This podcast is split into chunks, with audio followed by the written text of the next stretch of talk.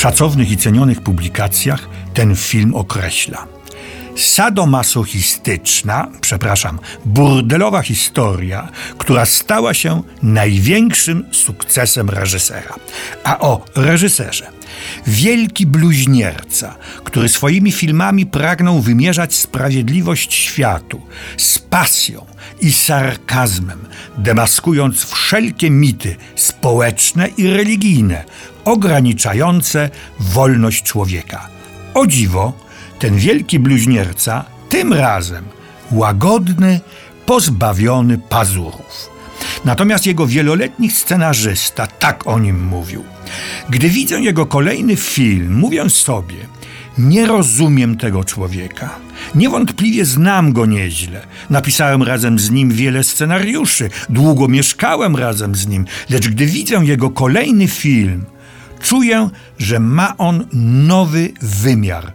To, czego nie było w scenariuszu.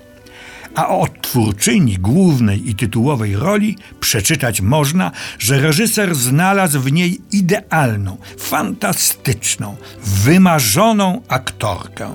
Zimna blondynka z taksującym wzrokiem spod długich rzęs. Niedostępna i opanowana. Za perfekcyjnym wyglądem kryła się głębia i zmysłowość, o którą mu, reżyserowi, właśnie chodziło. Dzięki temu filmowi stała się ikoną wyzwolenia z kajdan mieszczańskich norm i symbolem wyzbycia się iluzji, także wtedy, gdy podczas zdjęć tak śmiało wystawiała na widok publiczny swoje ciało. A tytuł filmu brzmi tak, jak ją, bohaterkę, Madame paryskiego domu schadzek Maison nazwała ponieważ przyjmowała swych klientów wyłącznie między godziną 14 a 17, więc belle de jour. Prawdziwi miłośnicy, a tym samym prawdziwi znawcy kina, już od dawna wiedzą, że mówię o zdobywcy Złotego Lwa na Międzynarodowym Festiwalu w Wenecji w 1967 roku. Jednym z najbardziej szokujących, prowokujących, ale i głębokich filmowych arcydzieł, czyli o piękności dnia niedościgłego mistrza, czyli Luisa Binuela, który razem z Salvadorem Dali i ich wspólnym filmem Pies Andaluzyjski rozpoczął w roku 1929 nie tylko na ekranie tak bogaty i twórczy nurt surrealistyczny. A żeby wreszcie rozszyfrować wymienione przeze mnie dalsze niewiadome, dopowiem, że scenarzysta to Jean-Claude Carrière, a aktorka to niezrównana, o brak mi dalszych określeń, Catherine Deneuve. Ten film jest wprost nieprawdopodobnym splotem rzeczywistości, wyobrażeń, snów, marzeń, pragnień, zmyśleń i obaw, lęków. Główna i tytułowa bohaterka żyje w ustabilizowanym i szczęśliwym związku małżeńskim, ale nie zaspokaja on jej ukrytych, częściowo nieuświadomionych do końca skłonności sado-masochistycznych więc spełnia je w spotkaniach w określonych godzinach w domu schadzek Maison Madame Anne. Ale gangster Marcel, jej klient, wykracza poza przyjęte normy. On czuje się spełniony, zaś ona nadal kocha swego męża. Gangster strzela do niego i czyni z niego kalekę.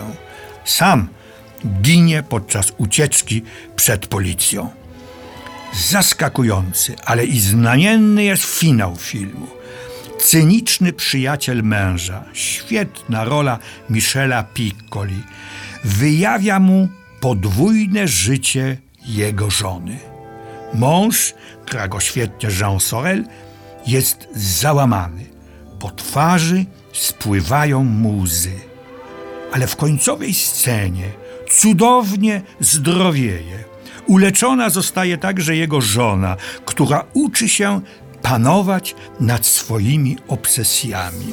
Gdzie jednak przebiega tak naprawdę granica między realną rzeczywistością a światem naszych, bo to przecież o nas chodzi wyobrażeń, lęków, urojeń, iluzji, skrywanych dążeń i marzeń. Film Piękność Dnia jest jednym z najbardziej znaczących, bulwersujących i prowokujących dzieł filmowych lat powojennych. Jeśli przyjrzeć się trochę uważniej filmom, które dzisiaj, już w XXI wieku, krążą wokół tego tematu, a krążą nieustannie, tylko że, przepraszam, często dosyć infantylnie, to wypada pamiętać, że mistrzem był Louis Buñuel i jego, oczywiście nie tylko jego, niezwykła aktorka Catherine Deneuve. Dlatego obiecuję zarówno o wielkim buntowniku Louisie Buñuelu, jak i o fenomenalnej aktorce Catherine Deneuve wkrótce szczegółowiej opowiem.